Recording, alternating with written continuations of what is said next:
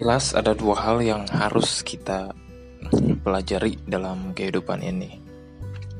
Mengacu pada hadis Nabi Shallallahu Alaihi Wasallam, yang mana beliau menyebutkan bahwa sebaik-baiknya manusia itu adalah manusia yang bermanfaat bagi manusia lainnya.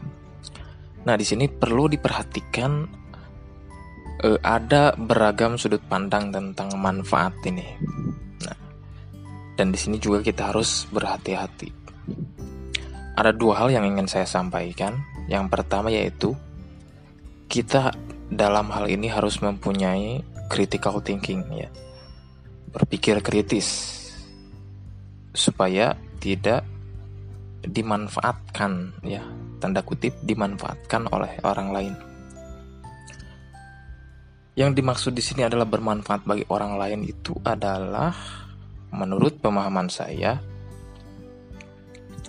bermanfaat bagi kebanyakan orang. Hal-hal yang baik yang disebarluaskan dan itu bermanfaat, misalnya sedekah, infak, atau kita membantu orang lain eh,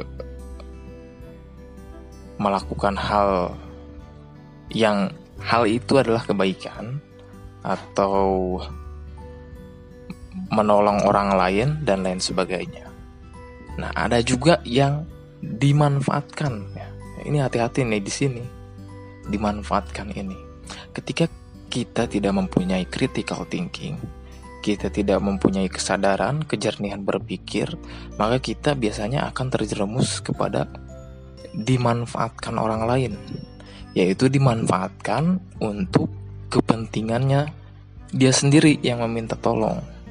Nah, dalam hal, dalam hal ini saya mewanti-wanti kepada kita semua untuk berhati-hati terhadap pemanfaatan manusia ini.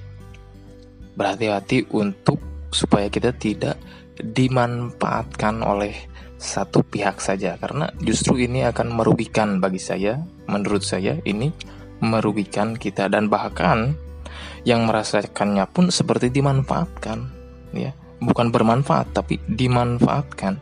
Sekian